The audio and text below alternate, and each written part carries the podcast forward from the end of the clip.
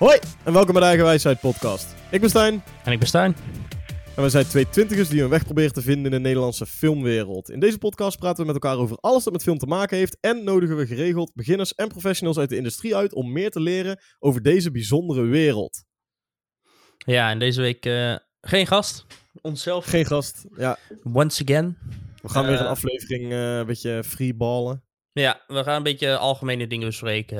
eh, en kijken of we daar een interessant gesprek uit kunnen halen. en, eh, hey, feest! De bioscopen zijn weer open. Hey! Godverdomme, maar echt serieus. Ik Daar- zat te denken, het laatste waar we zijn geweest was... Ik dacht de Lord of the Rings, maar dat is het denk ik niet, hè? Het is de Quentin Tarantino. Eh, Oeh. Die was daarna. Ja, nou, ja, was dat daarna? Ik weet het niet meer. Zou wel kunnen. In ieder geval, we zijn in coronatijd ben ik vier keer naar de bioscoop geweest. En dat was alle vier de keren met jou. Dat was Lord of the Rings 1, 2 en 3. Alle drie extended. En de Quentin... Q... Was het ook weer? Q8 of zo. Q8. De Quentin Tarantino documentaire. Ja, Fuck. Maar welke als laatste was ik... Nee, volgens mij... mm, ik heb geen idee. ik denk dat Q8 was, want die was bij Pathé. En de, de, de Lord of the Rings waren volgens mij bij de VU. En ik kan me herinneren dat de Pathé, dat we daar later heen zijn geweest. Volgens mij hebben wij de... Lord of the Rings hebben we de eerste bij de Pathé gezien. En de, en de laatste twee bij de View. Mm, volgens mij dat dat was dat het... eh, Die shit was Zoiets. snel uitverkocht. Die was shit was snel uitverkocht, ja. Ja, ja. ja man, bioscopen. Goddamn. Dat is wel echt... eh, Wij hebben onze tickets al gekocht. We Ja. gaan... eh, volgens mij, het draait niet eens... ja, dat draait twee Nederlandse Ja, deze maand draait er weinig, vind ik. Voor, het voelt alsof zeg maar, de bioscopen meer zoiets hadden van... Oh, oh we zijn weer open.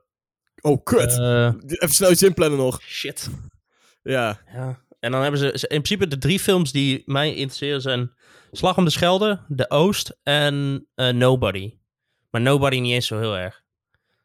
Nee, nobody meer omdat je ervan gehoord hebt en gewoon denkt, ai... Is het John Wick, maar dan Bob Odenkirk? Of... Ja, ja, basically. En ik mag Bob Odenkirk, dus... Ja. Maar verder, ja. Het is van de regisseur van. En de, de- wie hadden we het? Dat, hadden we- dat bedacht ik me laatst. In de, in de podcastaflevering die wij, wij met Wout hebben gedaan. ging het over de film Hardcore Henry. En toen zei Wout nog van. Ik weet eigenlijk niet of die gasten nog iets gedaan hebben na Hardcore Henry. Regisseur van eh, Nobody is de regisseur van Hardcore Henry. Hm. Zelfde guy. En chick, eh, op zich goede, goede business voor Nederlandse films. Want die hebben een beetje de ruimte. Omdat Hollywood nog een beetje nog niet alles opgestuurd heeft naar Nederland, denk ik. Achterloopt. eh, Hebben ze in ieder geval een maandje waarin Nederlandse films het eh, meest prominent zijn in de bioscoop. de Oost, Slag om de Schelde. Ja. Ja, ja, ja, ja. ja. Ik zat te kijken naar die, die regisseur van de, de, de Slag om de Schelde. Want het is eigenlijk, volgens mij is het een, een, een combi van Nederlandse, eh, eh, hoe heet het? Nederlandse filmfondsen en, en Engelse. Oké. En hij heeft in 2011 pas zijn laatste film gedaan. Daartussen heeft hij niks gedaan. Dus 2011, 2020 heeft hij geen films gemaakt. Maar ook geen eh, afleveringen van televisieseries of zo. Nee, hij heeft, eh, hij heeft The Thing geregisseerd. De 2011 reboot. Oké. Ik wist niet dat daar een, ik wist niet dat dat een Nederlander was, maar... Volgens Nee, mij zijn er niet. stiekem best veel Nederlandse regisseurs die we gewoon niet...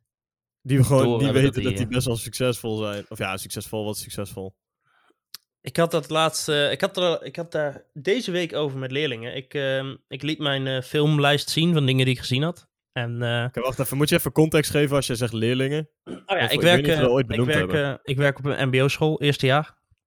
En daar zit ook een, eh, een tak naar een filmopleiding op. Ehm, of audiovisuele vormgeving, als ik het even goed moet benoemen. En ehm, ik had daarbij die les eh, de, de website Letterboxd opengezet. Voor de mensen die Letterboxd niet kennen, het is in principe gewoon Facebook voor films. Je logt, eh, je, je, je schrijft op welk film je gekeken hebt, als je hem nadat je hem gekeken hebt. En je geeft er een eh, rating van 1 tot 5 aan. Eigenlijk 10 sterren, want je kan ook halve sterren geven. Maar je geeft 1 tot 5 sterren en dan kun je delen en kun je wat over vinden van anderen. Je kan er ook een review bij schrijven, je kan lijstjes maken. Het is allemaal heel leuk. Maar ik liet mijn, mijn lijst met films zien en ik, ik had New Kids, had ik er eh, vier sterren gegeven, allebei. Nee, de, de, de Nitro trouwens 3,5. En ze zei, ja, nee, daar zou ik echt nooit kijken. Ik zei, waarom niet? Ja, dat is, dat is gewoon zo plat. En ik, ik zei van, ja, maar het, het is wel wat jullie willen doen. Het dichtst in de buurt van eh, waar, jullie, waar jullie kunnen komen. Je, je kan naar Hollywoodfilms kijken en denken, dat ga ik ook doen. Maar dat is niet 100% Dat is zo klein. realistisch. En New Kids is zeg maar gewoon de eh, standaard voor Brabantse filmmakers, I guess. hm. Vond ik, eh, vond ik interessant. En ik had vind, ook een ik- gesprek met leerlingen die zeiden: Ik zou nooit een Nederlands film maken, want Nederlands is kuttaal. En toen, oeh, Dat zeggen er zoveel, hè. Deze discussie hebben Stijn en ik jaren geleden al gehad met z'n tweeën. Want wij zijn ook begonnen met gewoon filmpjes maken met, in het Engels. Want ja, Nederlands is een kuttaal. Ja, maar ja, bro. Nederlanders met een Engels accent is net zo kut. Misschien nog wel erger. Dan kun je net goed gewoon in het Nederlands doen. Dus ja, ik- deze discussie hebben, hebben wij jaren geleden al gehad. Ik heb ook echt zo'n instelling van... eh, Al die mensen om ons heen, die waren allemaal zo van... Ah, ik ga films maken en ik ga naar L.A. En, en, en, en ik heb echt al die tijd zo'n instelling van gehad, gehad van... Oké, is goed. Hey, gaan jullie met z'n allen naar de andere kant van de oceaan? Gaan jullie het daar proberen? Blijf ik hier. Doe ik het hier gewoon. Hoe meer er van jullie die kant op gaan, hoe minder er hier overblijven. Hoe groter de kans is dat ik ergens ga komen. Doei! Nee, ja, en eh, haar, haar- dat meisje die had als, als excuus... Ik zei van, ja, maar als je, als je de Nederlandse taal niet mooi vindt, dan schrijf je het gewoon verkeerd. En ze zei, ja, nee. Eens. Maar iemand uitschelden in Nederlands is gewoon niet, kan gewoon niet eh, dreigend overkomen. Ik zei van, ja, heb jij Undercover gezien? Heb je Ferry gezien? Dat in Brabant eh, iemand uitschelden is op zich best overtuigend. Of Mokko Mafia voor... voor eh, het, ze- haar argument was, Nederlandse uitschelden klinkt gewoon nooit alsof iemand het meent. Maar dan, ja, heb ik zoiets van, dan kijk je de verkeerde... Mm, Kijk, weet je wat het is? en dan die bedoelt ze Nederlands tegenover Engels. Ja, ja, ik snap het punt, maar ik denk niet dat, het- dat het ligt aan, aan de taal zelf. Ik denk dat eh, Je kan mensen op, op, op miljoenen verschillende manieren uitschelden. Ook met woorden die helemaal niet per se haatdragend zijn. Het ligt eh, 100% aan de manier waarop je het brengt. Mhm. Zeg maar, de, de, en, dan, en dan komt het gewoon neer op de acteur. Nou, ik denk dat er wel iets kan worden gezegd voor bepaalde accenten zijn gewoon niet dreigend. Ik ben ervan overtuigd Nee, dat ik nooit ja, bedreigd ja. kan worden door iemand uit Limburg of België. Ja, die, klink, die, die klinken gewoon... Die hebben gewoon eh, een zacht, zachte taal. Ja, klopt. Is ook wel. Maar ik ben het na. mm, weet ik niet. Je hebt ook Undercover gezien. Undercover seizoen 2 waren bijna alleen maar Belgen. Ik heb Undercover seizoen 2 nog niet afgekeken, doordat het Belgisch is. Ik, ik, ik hou niet echt, ja... Oké, nou ja, in ieder geval de, de twee bad guys in, die, in dat seizoen, zeg maar. GP en. ah, Fuck, was het ook weer? Iets met een R. Nou, het doet er niet toe. Eh, die waren best dreigend. Allebei zo, zo Vlaams Mm. als de pest. Best dreigend. Mhm. Ligt een, ligt een acte- maar het waren allebei knijtgoede acteurs. En, da- en daar ga je. Gewoon goede acteurs nodig. En toen kwam er een ander punt op. En toen zei, zei datzelfde meisje zei van ja. eh, het ging over of je beroemd kon worden met films maken. En toen zei een van haar klasgenoten: Ja, maar ik, ik hoef niet beroemd te worden. Ik wil gewoon films maken. En toen zei ze: Nou, dat is onzin. Je kan dit niet gaan doen en niet beroemd willen worden. En toen zei hij: Nee, maar ik wil het echt niet. En toen zei ze: van ja, maar. ehm, ehm, wat was het nou? Laat ik het zo zeggen. Als ik beroemd word, is dat mooi meegenomen. En ik zei: Ja, maar als, je, als jouw instelling is dat je films wil maken en er beroemd mee wil worden, dan ga jij nooit beroemd worden. En ze zei ja, nou, nee, ja. inderdaad. En toen liep het een beetje door en ik heb Ik, het eh, ik, ik heb het hier met Nick over gehad. En Mhm. zeg maar, het soort persoon wat jij nou omschrijft, die, dat is zeg maar 80% van de mensen die naar Los Angeles komen om het daar te maken als ze zijn de filmmaker, al is het regisseur of DP of whatever, of acteur of net wat. Mhm. Ehm, heel veel mensen die je daar tegenkomt, die zijn daar.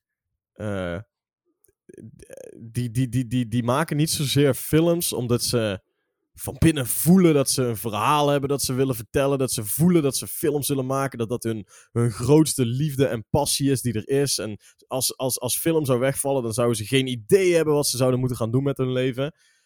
Nee, dat zijn het soort mensen die gewoon eh, het heel interessant vinden om ehm, de filmmakers lifestyle te leven, zeg maar, of zo. En dat vooral ook heel erg te merk laten merken Mhm. aan iedereen. Heel interessant te doen met het feit dat je films maakt en minder met het feit dat je met, met- minder gefocust op hetgene wat je nou daadwerkelijk aan het maken bent. Ja, En ja. als, er iemand, als jij mij vertelt dat er iemand in het eerste jaar zit van een MBO audiovisuele opleiding met de instelling ik wil films gaan maken en ik wil er ook beroemd mee worden, dan kan ik jou beloven Dat gaat nooit gebeuren.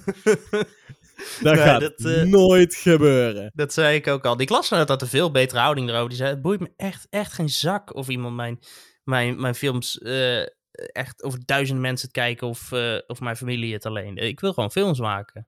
Ik zei, dat moet je doen. En, en dat is de instelling, want dat is, de, dat is een goede drive. Want zo iemand als dat, dat, dat meisje dat, dat er beroemd mee wil worden, die maakt dadelijk haar eerste paar korte films of whatever. En die shit die uploadt ze op YouTube en die promoot ze helemaal de moeder. Dat weet je gewoon. Die promoot ze echt helemaal kapot. En die stuurt naar alle familieleden. En iedereen moet het delen en bla bla bla. En uiteindelijk heeft de hele film nog steeds maar ja, 5, 6, 700 weergaven. Ja, dat vindt ze dan te weinig. En dan maakt ze er nog een. En dit wordt mijn beste project ooit. En dan die gaat ze insturen naar, naar filmfestivals. Een stuk of 20. Nou, Mhm. 17 wijzen ze eraf. En drie wordt ze aangenomen. En dan bij die drie waar ze wordt aangenomen. Is ze belangen na niet de beste van alle films die meedoen.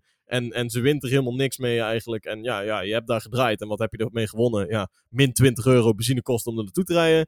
Eh, en dan geeft ze het op. Ja. Denk ik. Tenminste, het voelt alsof het zo'n. alsof dat de instelling is. En dat is. eh, film is een vorm van kunst. En Ja. je Kunst kan niet. kunst niet maken. Nee. En je kan kunst niet maken met een specifieke. met een specifieke doel in je hoofd. Ik wil hier fucking beroemd mee worden. Nee, Want dan begin je al met de verkeerde instelling. ja. Klopt. Hey, eh, in ander nieuws. Ehm, MGM, de filmstudio met de tijger, die eh, Mhm. voor eh, elke film komt. Leeuw, Maar- toch? De leeuw. Ja, leeuw. Eh, die zijn eh, opgekocht voor 8,45 biljoen door Amazon. Wat dus betekent dat een van de laatste studio's, heb ik het idee, want ik, ik kan me niet studio's bedenken die niet bij een streaming service zouden aansluiten, eh, waarschijnlijk op Amazon gaat worden gestreamd. En ik had even gekeken welke films we dan in de toekomst niet meer zouden kunnen. Of ja, Bond is van MGM, toch? Bond. Bond is hun grootste, eh, beste serie. Want voor de rest hebben ze niet echt. Ze hebben de Hobbit gedaan, alle drie. Eh, Oké. Oké. Lang Ehm, en de Amazon heeft ondertussen de rechten voor de Lord of the Rings serie. Dus ik ben heel, heel, heel erg in de war hoe dat werkt. Maar eh A Star is Born hadden ze. En de Creed-series. Dus die zijn op zich wel succesvol. Maar voor de rest zie ik echt niks ertussen staan. Want Creed komt er oh, nieuw uit binnenkort. Of Ja. in ieder geval binnenkort, die zijn ze nou aan het maken. En Bond komt ooit uit. Ik ben heel benieuwd of hij, of hij, of hij het goed gaat. Ja, ik denk dat hij het wel goed gaat doen. Maar ik weet Ja, niet of hij het echt zo. De vraag is of hij het zo goed zou doen als hij wanneer hij op de normale datum was uitgekomen. Ik vraag me gewoon af of dat het. eh, of je. Of je. Ik hoop echt dat het een. Het is, een, het is de laatste film van Daniel Craig. En ik vind Daniel Craig een dope-ass James Bond. En ik Mhm. hoop dat hij afsluit met een knaller. Hmm, Want Spectre was fucking saai. Ja, ja. dus ik zeg maar, hij heeft nou twee echt goede gehad. En twee behoorlijk matige. Ik zou niet zeggen slecht. Is? Maar wel behoorlijk matig. Ja, en ik, ik hoop gewoon dat die afsluiten. Ik wil, tegen die tijd kunnen we misschien eh Goss uitnodigen. Kunnen we gewoon een Ja, hele podcast ja, ja. aflevering gewoon toewijden aan, eh, Aan James Bond. aan Bond en de geschiedenis van Bond en de invloed van Bond op popculture en, en, en, eh, en film in zijn algemeen. Want de hype voor Bond elk jaar is een beetje hetzelfde als een, als een Star Wars episode. Je kijkt er best wel naar uit. Op zich. Nou, ik dan minder waarschijnlijk dan een Holse, maar... En dit is nu zo erg verzet dat ik soms niet eens... soms vergeet ik, oh ja, Bond moet nog uitkomen. En dat was in Anderhalf november. jaar geleden of zo, dat hij eigenlijk uit had moeten Ja. Hetzelfde voor Black Widow. Die, ik weet niet eens waar die nu uitkomt. Of op Disney+. Plus. Eh, Black Widow voelt als een eh, film die echt al gewoon zes jaar beloofd wordt en er nog steeds niet is. Maar to be quite honest, I don't give a fuck. Ik, eh, alle... Oké, hot take right here, ja? Komt-ie. Het Marvel Cinematic Universe had moeten stoppen na Endgame. ja, maar- Alles wat daarna komt, boeit me geen flikker. Ze, ze hadden een, het was een perfecte franchise. Het was een perfecte saga van begin... Of ja, perfect. Natuurlijk wel een paar opstootjes along the way. Een paar Mhm. recastings en een paar films die wat minder waren. Maar over het algemeen, van begin tot eind... Like never been done before. Een franchise zo groot. En zo perfect afgerond. En dan gaan we door. En dan nu Mhm. krijg je de dingen als... Dus er komt nou binnenkort een film uit, dat heet The Eternals of zo. Ja. Ik heb er niet heel erg op ingelezen, maar schijnbaar zijn dat ook allemaal een hoop machtige, powerful creatures van weet ik het waar de fuck. En dan Er zijn nu al memes, de film is er niet eens uit. En er zijn nu al memes op het internet van... eh, ja, ja, al- die levensbedreigende of universumbedreigende shit die is gebeurd de afgelopen 20 jaar. Ja, Ja, toen, toen, toen zaten wij lekker op onze bank tv te kijken. Nee, toen kwamen we niet. Maar nu, nu komen we. Ik, eh, dat, Ja, dat zijn dan dingen. Ik kan daar niet tegen als ik daar naar kijk. Dan zit ik daar naar te kijken. Dan denk ik, waar de fuck waren jullie de laatste zes keer dat het universum bekend kapot ging? hetzelfde als Captain Marvel. Hetzelfde als Zo, Captain Marvel. Zo, zo- ze is zo sterk, maar ze komt pas als Thanos al geweest is. Ook. Ja, daarom. Ik, ik, ik, ik, ja, ik weet niet. Ik vind Endgame perfecte Het afsluiting. enige waar ik Waarom wel ga- het benieuwd naar ben, is de derde Spider-Man film. Puur omdat ze al die Andrew Garfield en eh eh Tobey Ja. Maguire allemaal hebben gere of gecast. Eens. Dus ik ben heel benieuwd hoe ze dat gaan doen. Of het gewoon een cameo gaat zijn, dat zou echt, dat zou echt een nice zijn. Dat gewoon een cameo is aan het einde. Het kan best zijn hoor, want dadelijk was het gewoon heel... tot- En dat, en dat is het ding met die, beetje die, die rumors die je altijd Mhm. krijgt rondom films. Dadelijk was het helemaal niet de bedoeling dat hun erin kwamen te zitten. En dan opeens beginnen die geruchten. En, dus, en, en iedereen is er enthousiast over. En dan die studio's eh, en die produ- producers, die duw je echt in zo'n hoekje van... Nu moet je wel. Weet je wel, iedereen Ja. is fucking teleurgesteld dat ze niet in de film zitten. Dus of ze worden er helemaal in geshoehorned en het past helemaal niet. Of het wordt zo'n kut cameo van de twee minuten. Ja. Nee, ik had een andere hot take die ik eh, met een leerling aan het aanvechten was. Ehm, de Ryan Johnson Star Wars was beter dan Rise of Skywalker. Gereed in mijn ding. Eens. En ik, ik, ik heb denk ik bedacht waarom hij dat niet vond.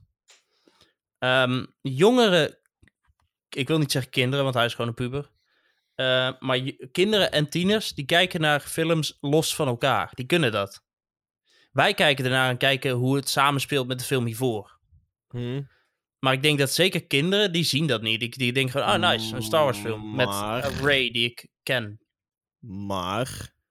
En die kijkt niet van, huh, maar in de vorige film deed hij dit en dit. En nu ineens doet ze dit en dit. Het is gewoon, hey, vliegend schip. Maar, maar, maar los daarvan, als je ze allebei los zou kijken, is The Last Jedi nog steeds beter dan The Rise of Skywalker. Sorry dat ik het zeg. Ja. The Last Jedi heeft, een, heeft thema's. The Last Jedi heeft afgeronde character arcs van begin tot eind.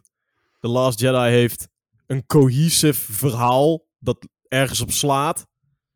En The Rise of Skywalker is gewoon een videogame quest. 2,5 uur lang. Ze hebben gewoon 6 uur aan materiaal in 2,5 uur gepropt. Het plan van Emperor, eh, Emperor Palpatine slaat fucking nergens op. Het slaat helemaal nergens op. Het is echt letterlijk. eh, eh, eh, eh, eerst, wil die, eerst wil hij dat Kylo Ren Ray vermoordt, maar dan lukt dat niet. Dus dan wil hij dat Ray naar de cave komt om hem te vermoorden. Want dan kan hij in het lichaam van Ray. En, en, en het, hè? Het, het slaat allemaal helemaal nergens op. Dat hele, er zijn al heel veel video's van op YouTube. Moet je maar eens opzoeken. Emperor Palpatine's plan. Het het, domste wat er is. Ik, Ja. In elke zin van het woord. The Last Jedi. Hoe, hoe, hoe langer al die, alle drie die films uit zijn, hoe meer ik The Last Jedi begin te waarderen. Ik vind The Last Jedi de beste van de drie sequels. Dat wil, dat wil niet zeggen dat ik dat de leukste vond van de drie sequels. Als we het hebben over bioscoopervaring en zo. The Force Awakens was de leukste ervaring. Mhm. Maar dat komt mede ook door de hype. En de het is gewoon een hele gewoon- leuke, vrolijke, energieke film. En het bracht je terug in de wereld van Star Wars. Ja, en de Maar als Jedi ik was als iets ik nieuws. Als ik, als ik er echt naar ga kijken. Als ik er kritisch naar ga kijken en, en, en, en, en, ga nadenken. En de dingen die ik weet over film en hoe films gemaakt zouden moeten worden. En, en wat werkt en wat werkt niet. The Last Jedi is gewoon de best, de van de drie de best gemaakte film. Mhm. Ja. Ik merkte trouwens heel erg dat eh, met de groep eh, die, waar ik stond, hoeveel AV'ers ertussen zaten. Want die konden hun daadwerkelijke mening goed verwoorden. en als er iets is wat AV'ers graag doen, AV'ers zijn trouwens de opleiding die Stijn en ik ook gedaan hebben, is het eh, hun mening uiten over dingen waar niet naar gevraagd werd. over films. Ja? Gewoon, ja, dat merk je dat niet. Bij ons in de klas, dat wij het eigenlijk altijd hadden over elke film ooit. Dat op een gegeven moment ook nog een medeleerling van ons had. Kunnen jullie dus gewoon iets maken voor je gaat afzeiken op andere films? Ja, zeker waar. Zeker waar. Nol zei dat altijd. Ja, ja. En Klopt, ja. daar had hij een punt. Daar had hij zeker een punt. Maar tegelijkertijd is film ook zo'n medium wat zo, waar je zo makkelijk een mening over kan vormen. En niemand die, er- die er meestal iets op tegen heeft.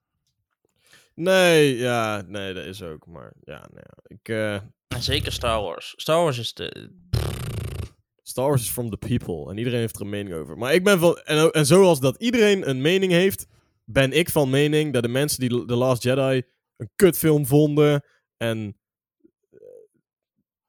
eh, Ja, het is, een slecht, een slechte film. Het is een slechte Star Wars film. Het heeft heel de sequels verkloot. Het heeft... eh, eh, deel 9 kon nergens meer naartoe... omdat deel 8 zo kut was. Eh bla bla bla. Dat zijn de mensen die gewoon butthurt zijn. Die op hun pikkie zijn getrapt omdat hun fucking fantheorieën niet uit zijn gekomen. ja, sorry. Maar dat is echt zo. Je had gewoon verkeerde verwachtingen opgesteld. En de film heeft niet aan jouw verwachtingen voldaan. Dus daarom vind ik het een kutfilm. Sorry. Dat is de enige reden. En de mensen die zeggen dat J.J. Abrams kon helemaal niks meer met episode 9. Omdat Ryan Johnson heel de serie verkloot met episode 8. Je bent fucking delusional. Je bent echt delusional. Sorry. Je, er zijn miljoenen kanten waar je nog op had kunnen met het verhaal. En het is fucking J.J. Abrams zijn eigen fout dat hij zoiets had van... Ait, ik ga alles wat in de vorige films gebeurde redconnen. En ik ga gewoon weer door met mijn eigen verhaal. Die ik bedacht heb twee films geleden. Ondanks dat we daar al lang van weggestreefd zijn. Je Ja. bent echt delusional als je denkt dat, die, dat er geen enkele andere mogelijkheid was dan fucking Palpatine terugbrengen tot leven. Fuck off. Ja. ja. ja, dat is. eh, de, daar kunnen we ook een hele eh, aparte podcast over beginnen. ja, ja, ja. Maar het is wel interessant om te horen hoe, eh, hoe zeg maar leerlingen, eerstejaars, hoe die aankijken tegen eh, overal, ja, filmmaken in het algemeen en wat er in Hollywood een beetje gebeurt en shit. En, en, en, en... en we waren het wel eens over één ding: Solo is beter dan Rogue One.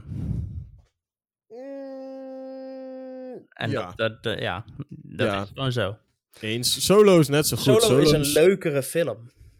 Niet, ja, ook, ja, klopt. Meer niet- heel veel mensen hadden die film al afgeschreven omdat net The Last Jedi was uitgekomen en eh, Harrison Ford speelt Han Solo niet, bla bla bla. Iedereen heeft de film al afgeschreven. Maar Han So- of Solo was een verrassend goed in elkaar stekende film. Ja, sorry. Ja, ja, Is gewoon zo. Ik, ik ging ook die film in met de gedachte van ik ga dit niks vinden. Dit is geen Harrison Ford. En die nieuwe guy, Alden Ehrenreich, Mhm. al binnen vijf minuten had hij me om. Ja. En toen was ik gewoon van de ride aan het genieten. En aan het eind van de film zoiets van, uit. Kut. Ik vond die film veel leuker dan dat ik wilde dat ik hem zou vinden. ja, zo is het gewoon. Alleen weer een beetje de Darth Maul, eh, Ja, dat was minder. Maar, ja, ja. de setup voor de rest. maar je gooide wel een interessant iets op net. Want dat is datgene waar ik me een beetje zat af te vragen. eh, wat betreft bioscopen en studio's en streamingplatformen en shit. Ik vraag me af. We hebben nou dus we hebben een heel jaar achter de rug zonder echt fatsoenlijke bioscoopervaring. Nou, bioscoop gaat nou weer open. Laten we hopen dat, dat het zo blijft. Dus die weer Ja. een keer dicht moeten binnenkort. Maar men, ik, eh, natuurlijk zijn al die studio's van afgelopen jaar begonnen met ja, de grote blockbusterfilms die ze al klaar hadden liggen. Ja, kut, we kunnen ze niet in de bioscoop uitbrengen. En hoe langer we ze hier op de plank laten liggen, hoe meer geld dat gaat kosten. Dus we moeten ze gewoon, we gotta get it to the ma- masses. Ze zijn het op, studio, of, eh, op streamingplatformen uit gaan brengen. Dus hè, een, eh, een Wonder Woman en een Godzilla vs. Kong. En, Mulan. eh, Mulan was de eerste, naar mijn idee. ja, kan goed, ik weet niet meer. Ik weet nog dat ze toen, ze hebben toen geprobeerd om, hebben, hebben het geprobeerd met Tenet. En toen, oh ja, Tenet eh, was nog tijdens coronatijd. Ja, Tenet is in de bioscoop geweest. Ja, ja, ja. Ik Die ben is in naar de Tenet bioscoop geweest in de bioscoop trouwens. Ja, ik ook. Maar toen, dat was nog voor de zomer. Dat was echt in juni of juli of zo, volgens mij. Ja, want ik weet Maar dat... in ieder geval. Ja, Ja, hm. nou ja. eh, maar nu zijn zeg, zeg maar streaming... eh, Zeg maar nieuwe releases op streamingplatformen... Gewoon onderdeel geworden van het nieuwe systeem, volgens mij. En ik vraag me af hoe dat nou vanaf nu verder gaat. Gaan we nou weer terug naar... Een film komt uit in de bioscoop. Hij draait 1, 2 maanden in de bioscoop. Dan duurt het nog een maandje en dan komt hij uit op DVD, Blu-ray en streamingplatformen. Of gaat dat tegenwoordig meer tegelijk? Dus is het meer, wordt het meer een situatie waarin er komt een nieuwe film uit. En hij komt tegelijkertijd uit, zowel in de bioscoop als op streamingplatformen. En dan heb jij als consument heb jij de keuze: is dit een film die ik gewoon lekker thuis op de bank met een zak chips wil kijken? Of is dit een film die ik echt op een groot scherm wil zien, met surround sound en bla bla bla. En dan betaal je eigenlijk niet eens zozeer meer voor om de film te kunnen zien, maar dan betaal je extra voor de ervaring hoe dat je de film ziet. Als je begrijpt wat ik bedoel. Dat denk dat meer de nieuwe rol ik wordt van de denk bioscoop. dat dat de nieuwe rol wordt. Ik weet alleen niet of de bioscopen dat... eh, of dat goed Chill gaat zijn vinden. voor de bioscopen. Maar dan moet Het dan, kan zijn dat je letterlijk een derde van je vaste publiek gewoon kwijt bent. Maar dan kan het er ook bijna niet zo. Dan kan het er ook bijna niet anders dat.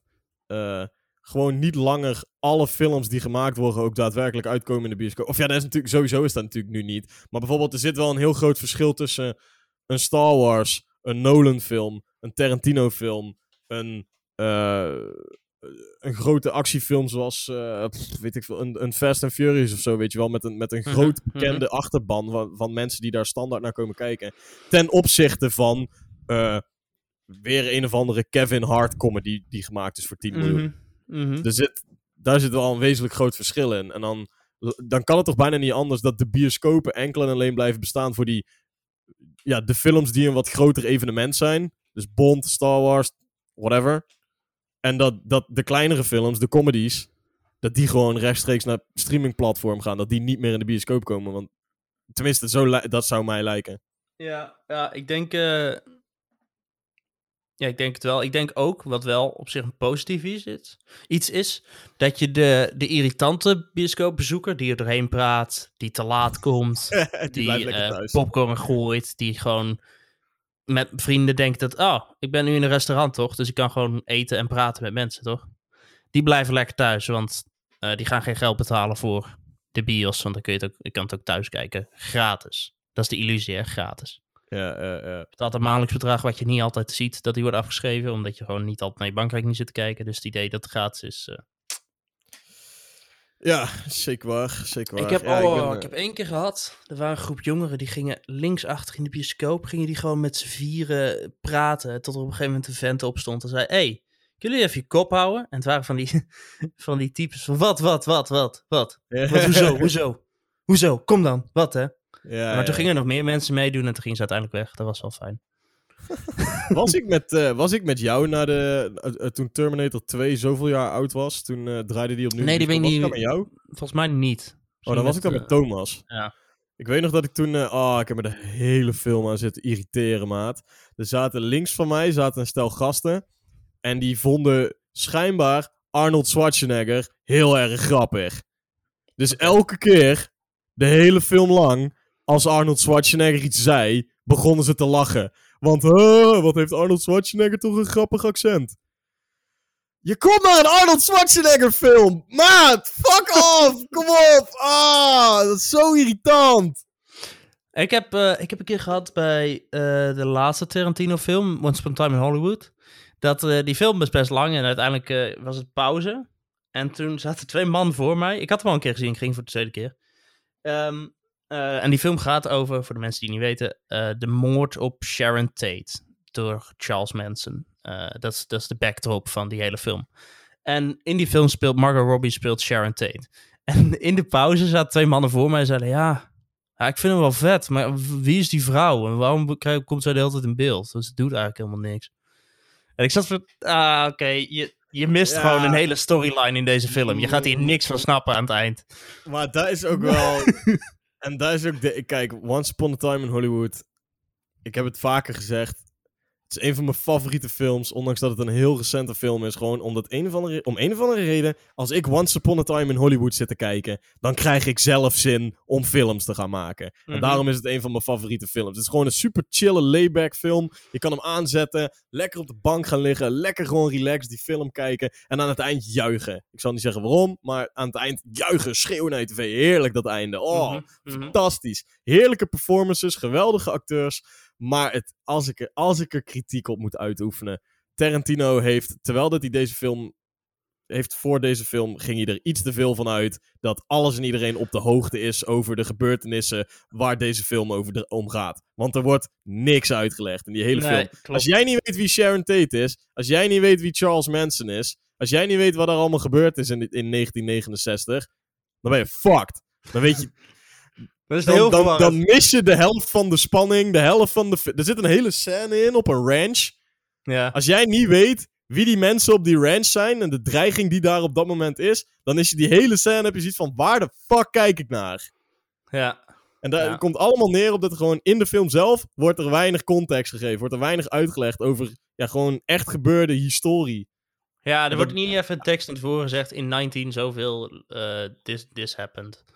En, Maar het en is dat is wel een beetje eh, een gevalletje, ja, Tarantino. We snappen dat jij, zeg maar, echt gewoon elke minuut van Hollywood history uit je kop kent. Maar dat geldt niet voor iedereen. En zeker niet voor de nieuwe generatie. Want ja, Stijn en ik, wij zijn, wij zijn 30 jaar nadat dit ge- ge- gebeurd is, zijn we überhaupt pas geboren. Ja, en ik heb wel eens van de naam Charles Manson gehoord. En ik, ik heb ook foto's gezien van hoe die eruit zag voor die doodging. En, eh, maar je weet, ja, eh, het is de enige Tarantino-film waar je je moet inlezen op waar het over gaat. Want als je kijkt Ja. naar bijvoorbeeld, niks daarvoor is gebaseerd op, ja, tenzij je nooit gehoord hebt van de Tweede Wereldoorlog, is Inglourious Ja, Basterds maar- een beetje Dat is- verwarrend. Maar, of van slavernij is Django Unchained een beetje verwarrend. Maar dat zijn van die algemene dingen, die weet iedereen. Dat ding, dit bestond ooit. dat en- zijn grote historische events. Ja. en ik denk ook dat, de, dat dat de fout is van die twee guys. Want het waren wel gewoon oudere guys. Al in hun begin, of midden 20, eind, eind 20. Maar ik denk dat hun fout is geweest dat ze gewoon dachten... Oké, dit is net als Inglourious Basterds. Het is gewoon een leuke Tarantino-film in de jaren zoveel. ja. Eh, maar je moet ook daadwerkelijk een beetje iets weten over de echte wereld... om deze film beter te begrijpen. Maar het, het was ook vrij makkelijk gefixt. Eh, Je had het vrij makkelijk kunnen fixen. Want het is inderdaad, ja, wat jij al zegt bij Inglourious Basterds en bij Django Unchained. Kijk, slavernij en, en, en, en de Tweede Wereldoorlog, dat zijn huge, huge events. En iedereen kent dat. En daar leer je over op, op school en shit. Ja. Maar de, de dood van Sharon Tate en de Manson, eh, Charles Manson en de Manson murders, dat zijn dingen die...